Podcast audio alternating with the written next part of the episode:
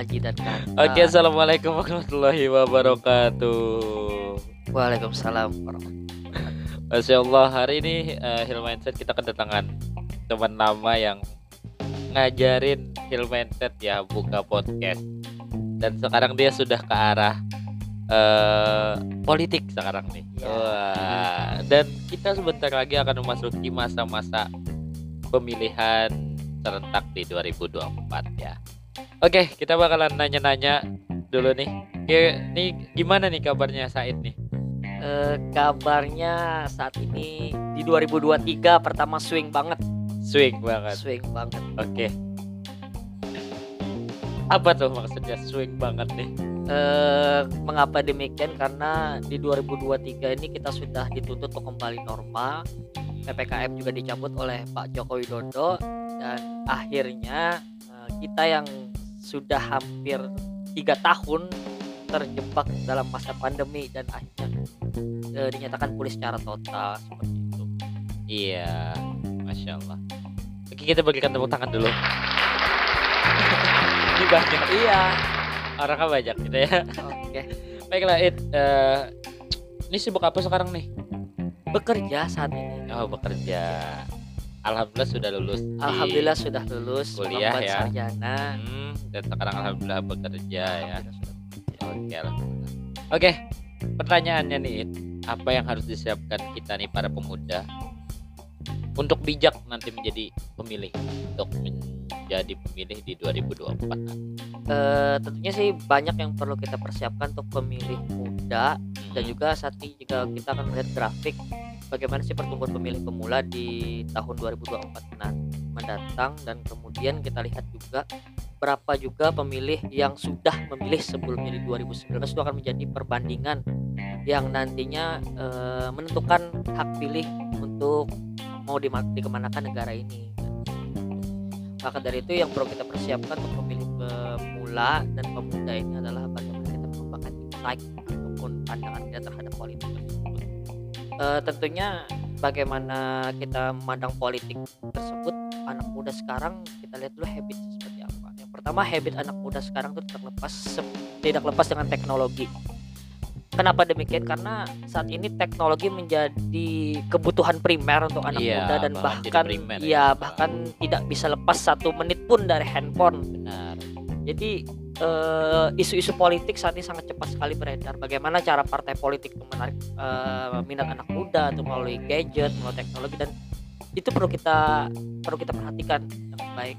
Ya, Saya untuk pemilih-pemilih pemula sangat mudah sekali dipengaruhi oleh partai politik diajak, apalagi saat ini partai politik juga mengembangkan banyak inovasi dengan menciptakan young young wings ataupun Wah. sayap-sayap muda eh, dari berbagai partai politik eh, entah itu kegiatannya berupa e-sport dan lain sebagainya dan politik saat ini sangat dinamis sekali tidak hanya berbicara soal kepentingan akan tetapi berbicara juga soal kebutuhan Mm-mm. itu sih yang perlu disiapkan Sekompak pertama. itu ya. sekomplek sekarang. itu yang pertama perlu kita siapkan sebagai pemilih pemuda dan pemula adalah insight insight ya anak muda ya kalau kita lebih tua ke paradigma Oke, itu tadi ya yang perlu kita siapkan. Intinya kita pun harus cerdas dalam melihat bagaimana di sosial media ya. Kemudian kita harus update bagaimana eh, siklusnya untuk pemilihan nanti ya. Oke, luar biasa. Kemudian it, eh, ini ada lagi pertanyaan. Kenapa sih golput itu tidak bagus? Eh, kenapa golput itu sangat tidak bagus ya? Ya. Kenapa demikian? Karena sangat disayangkan sekali kita menyayangkan satu suara kita untuk lima tahun ke depan karena bagi calon-calon legislatif maupun eksekutif satu suara itu sangat penting dan bahkan ada harganya dan bah- bahkan eh, mereka sendiri mengejar-ngejar dengan fee untuk mendapatkan satu suara tersebut maka dari itu kalau menurut saya eh, golput adalah pilihan yang salah lebih baik eh, memilih dengan pilihan yang tidak tepat sama sekali daripada eh, golput.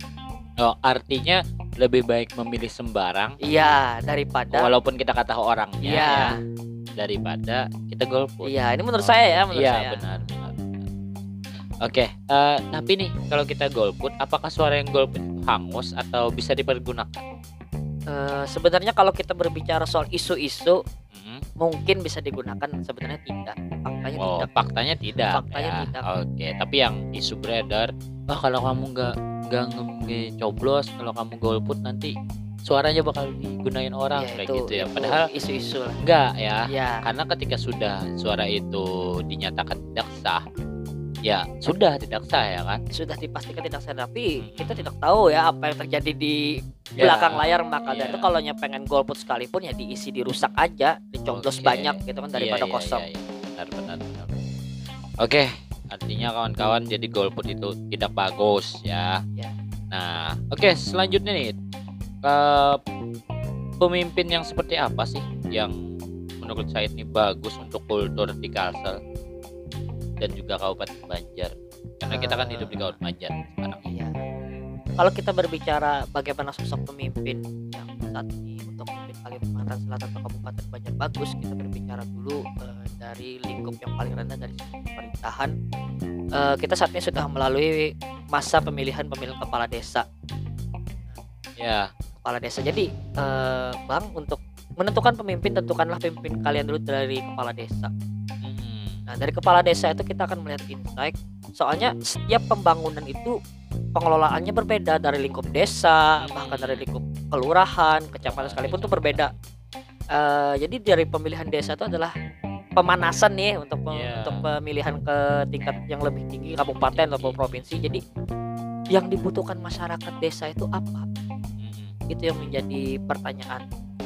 Misalkan nih eh, kawan-kawan tinggal di desa, desa yang di tengah kota seperti saya ini desa ya itulah desa di tengah kota ini kalau menurut saya tidak layak lagi disebut dengan desa akan tetapi bagaimana pemerintah desa tersebut memberdayakan SDM. Bagaimana pemer- pemerintahan desa tersebut dengan sosok kepala desa itu merangkul anak-anak muda yang mungkin tinggal di desa tapi desa di tengah kota itu seperti itu Hmm. sangat diperlukan karena eh, seiringnya berjalannya waktu pertumbuhan anak muda itu sangat pesat sekali Ya. kemudian bagaimana mengembangkan SDM dan juga memanfaatkan yang usia yang golongan yang lebih tua itu diperlukan adanya eh, badan usaha milik desa yang mumpuni ya Ya, benar. karena karena kita pengembangan itu kita per- diperlukan usaha kreatif ataupun eh, wadah untuk masyarakat. Karena kalau masyarakat tidak diberi wadah mereka akan seapatis mungkin dalam pemerintah desa. Dan juga eh, perlu adanya pembaharuan setiap kali kebijakan di pemerintahan desa. Itu seperti dalam langkah memilih pemimpin di pemerintahan desa. Jadi eh, untuk memilih bagaimana kultur sebenarnya tidak terlalu penting karena kultur kita di Kabupaten Banjar ataupun Kalimantan Selatan saat ini sudah postmodern. Ya, walaupun sampai saat ini kultur yang tidak hilang yaitu kultur politik identitas yang keterkaitan dengan ulama. Mm, itu sangat dekat sekali. Akan tetapi seiring berjalannya dengan waktu eh, malah itu menjadi bumerang sendiri mm, bagi calon pemimpin yang mendatang. Iya, benar, benar, benar. Jadi kalau kita bagaimana memilih pemimpin dengan kultur yang memanfaatkan politik identitas itu wajar. Akan tetapi bagi calon itu sendiri setelah menjalankan masa pemerintahannya itu itu akan menjadi bumerang. mm. Karena apa? Karena masyarakat akan menuntut Iya, benar. berupa hasil. Benar. Dan masyarakat tidak tahu menahu bagaimana itu proses penganggaran, Iya. bagaimana itu penyusunan RPJMD, bagaimana itu penyusunan RPJPM dan lain sebagainya. Proses untuk pembangunan itu sangat panjang dan itu tidak bisa diwujudkan semerta-merta melalui hanya visi dan misi saja dan eh, calon pemerintah, calon kepala daerah tersebut harus memahami bagaimana eh, SKPD, bagaimana Iya. OPD dari pemerintahan. Bagi itu kultur yang perlu dipahami oleh masyarakat sebenarnya. Karena saya yang saat ini bekerja sangat mengalami eh, bagaimana susahnya penyusunan Ya, anggaran. di salah satu SKPD. Iya di salah satu SKP dan itu membuat saya terpikir eh, kok pembangunan ini lambat dan Hmm. proses penganggaran tersebut eh, emang Ya, lambat. dan memang lama ya. Iya dan memang lama dan penggunaan anggaran itu pun sudah ada pos-posnya tersendiri. Iya, misalnya untuk tahun ini ini ya, Iya. kayak gitu ya. Iya Hmm. dan bahkan ada pembangunan yang tidak boleh dibangun oleh daerah tapi program nasional ada. Ada Mm-mm. pembangunan yang dibangun oleh provinsi tapi itu bukan daerah. Yang menjalankannya daerah tapi Iya. yang melaksanakan anggarannya provinsi. Oh iya iya. iya. Itu itu hal-hal yang seperti itu yang sangat sulit dipahami oleh masyarakat Iya, karena ar- mas ya Artinya perlu itu ya edukasi mengenai hal ini ya Sangat perlu ke sekali. masyarakat sangat karena sekali karena ya tadi keterbukaan eh, keterbukaan pemerintah bukan cuma dari anggaran sebenarnya ya tapi ini yang sebenarnya yang yang perlu ditanamkan ke rakyat ya. Iya. Eh, artinya bagaimana proses penganggaran artinya Iya. ketika rakyat sudah paham oh iya ini lama nih. Iya. Bangunan ini lama nih perlu ini ini ini ini. Kalau yang ini penanggung jawabnya iya. daerah kalau ini penanggung jawabnya nasional Iya. ya kayak gitu ya. Intinya perlu ya Eh, ya makanya kalau kita memilih pemimpin eh, bukan hanya sosok pemimpin yang memiliki karisma saja tapi pengetahuan yang juga diper- diperlukan. Bagaimana dia merangkul masyarakat bagaimana dia memahami pola SKPD-nya pola dari organisasi atau di bawah-bawahnya nantinya. Karena apa? Kalau kita berbicara soal penganggaran kita sudah ada DPR Mm. Dewan Perwakilan Rakyat. Iya. nah di situlah sebenarnya di sidang paripurna DPR itulah bagaimana kita menetapkan untuk anggaran setahun ke depan dan lima tahun ke depan. Itu jadi sebenarnya kalau kita memilih pemimpin ya benar-benar juga milih DPR-nya karena iya benar benar Dewan Perwakilan perwakilan kita Rakyat Iya, ya kita rakyat. sebagai masyarakat Iya. harus harus memilih DPR dengan bijaksana karena penentuan bagaimana arah pembangunan daerah itu akan tergantung DPR kita tergantung di- ditentukan oleh DPR dan Iya. kepala daerah. Oke oke oke oke. Artinya tadi eh, menurut Said ya kalau disimpulkan seorang pemimpin itu harus pandai melihat yang pertama tadi anak mudanya Iya. ya, kemudian eh, kaula tuanya juga Iya. untuk apa mewadahi ya orang-orang yang seperti kita ini yang perlu usaha atau segala Iya. macam ya. Kemudian juga harus melek dengan bagaimana pola budaya dari Budaya pemerintahan dari dari, pemerintahan, daerah ya. yang dia pimpin. penganggaran, entah itu perealisasian apa pun ya. Iya. Oke, luar biasa luar biasa. Kemudian eh, menghadapi 2024, apakah ada yang harus dibenahi dari konsep penyelenggaraan oleh penyelenggara pemilih kita?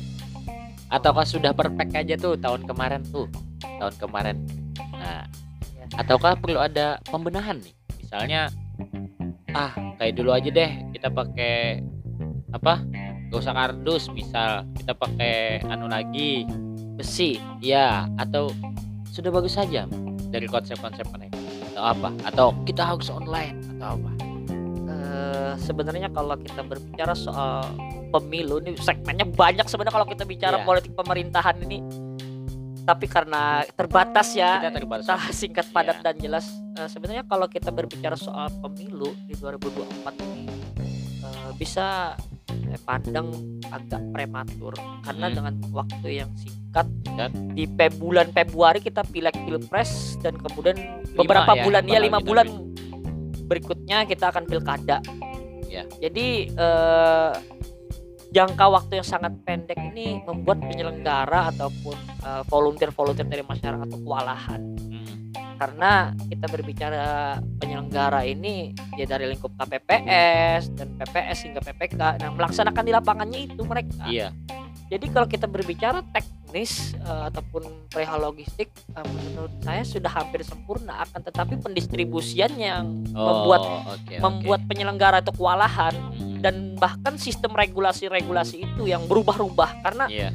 kita berbicara soal eh, Komisi Pemilihan Umum sistem regulasi mereka itu bersifat dinamis sangat dinamis sekali dan bahkan bisa berubah kapan pun. Sesuai dengan apa yang terjadi di lapangan karena kita perlu memandang di 2019 kemarin yang lima kotak tuh bahkan makan banyak korban. Ya. kenapa demikian? Karena pendistribusian logistik yang waktunya itu sangat pendek sekali Sangat dengan pendek. penyelenggaraan. Bahkan PPK pun ya eh, harus membagi ke desa dan kelurahan. Nah. Dan itu waktunya dua du- dua hari kalau nggak salah ya. iya sangat singkat sangat singkat. sangat singkat sekali dan itu membuat mereka kewalahan Iya, sangat kewalahan menghitung ulang surat suara. Iya, ya kan? sangat kewalahan. Jadi ketika pendistribusian surat suara itu kan Dan- proses sangat banyak iya. sekali, Bang. Dan akhirnya sampai ke KPPS kita itu kurang, ada yang Kurang, kurang. iya. Karena itu tadi waktu tadi ya, Iya. memang benar. Mereka iya. kelelahan sehingga tidak teliti Hmm. tidak teliti dengan pekerjaan mereka. Makanya itu Artinya bukan dari konsep sekarang, tapi dari waktu, Waktu. itu tadi. manajemen ya. waktunya Manajemen bro dia. waktunya, Tapi iya. perihal pemilihan apa itu secara online apa itu eh, yang mungkin seperti negara lain ya negara maju yang mungkin seperti Jepang yang sudah menggunakan konsep pemilihan secara online sangat tidak siap karena kita ya sangat tidak siap karena eh, kita kita baru saja menginjak era teknologi iya. baru saja. Ya memang kalau kita diba- dibandingkan Indonesia dengan negara lain ya negara lain sudah free wifi di Iya, di jalan. iya. kalau kita masih ya ya di rumah teman. Dan dan kita berpikir bang kenapa kita belum siap untuk pemilihan eh, umum yang bersifat modern? Karena partai kita yang semakin tahun itu semakin bertambah. Benar ini Ada- kita berapa partai nih untuk anu nih? Eh, untuk saat ini untuk partai itu hampir 20 hampir 20 dan ada hampir aju banding dan lain sebagainya dan iya. belum ditetapkan secara tetap secara total. Kan kenapa demikian? Karena kalau kita memandang partai politik yang kemarin saja bertambah dan berkurang sampai saat ini sebuah partai politik itu akan bertambah. Iya. Jadi kalau kita berbicara bagaimana pemilihan kita yang efektif dan modern kita harus menyempitkan itu partai politik. Kalau kita berbicara pemilu ya seperti Amerika partai politik mereka Dua. hanya dua. Iya. Benar benar. Dan itu sangat efektif bagi mereka. Itu sih. Oke, luar biasa pembicaraan kita malam hari ini. Semoga kita teredukasi ya dengan tadi khususnya kita nih pemilih pemula ya harus melek Iya, tadi ya. harus melek harus melek. membuka insight sering-sering membaca Hmm, eh, karena kalau kita berbicara soal politik ini bahkan isu isu sosial pun itu menjadi kepentingan bagi mereka Iya. kita perlu berhati-hati untuk pemilih pemula dan pemuda eh, nyaring berita dan jadilah netizen yang sehat Iya. karena ketika kita sudah di sosial media kita mudah sekali terhasut Hmm, apa pun beritanya itu dijadikan kepentingan Iya. karena bang politik itu adalah suatu usaha untuk mencapai kehidupan yang baik bukan politik itu buruk Iya, iya. mereka berpolitik untuk mencapai kehidupan mereka yang baik sejak kecil kita sudah diajari politik sejak lahir pun kita sudah diajari politik kenapa Iya. karena eh, dari lahir pun orang tua kita berusaha untuk melahirkan kita mencari uangnya bagaimanapun itu untuk kehidupan yang baik ke politik Iya. iya itu Artinya kita memandang politik jangan sempit, jangan sempit Ya. Luas ya politik. sangat luas sekali sangat luas Iya. Oke, kawan-kawan, tentunya itu aja dari kami. Said, kata-kata terakhir buat pendengar. eh intinya kata-kata terakhir saya banyak-banyak membaca Banyak-banyak membaca. karena dari membaca kita akan tahu itu saja Oke, luar biasa itu aja. Mindset kali ini kita luar biasa hari ini sudah diedukasi oleh Said Haidir ya. S I S I P P. kita berikan tepuk tangan. itu aja. Itu Assalamualaikum warahmatullahi wabarakatuh.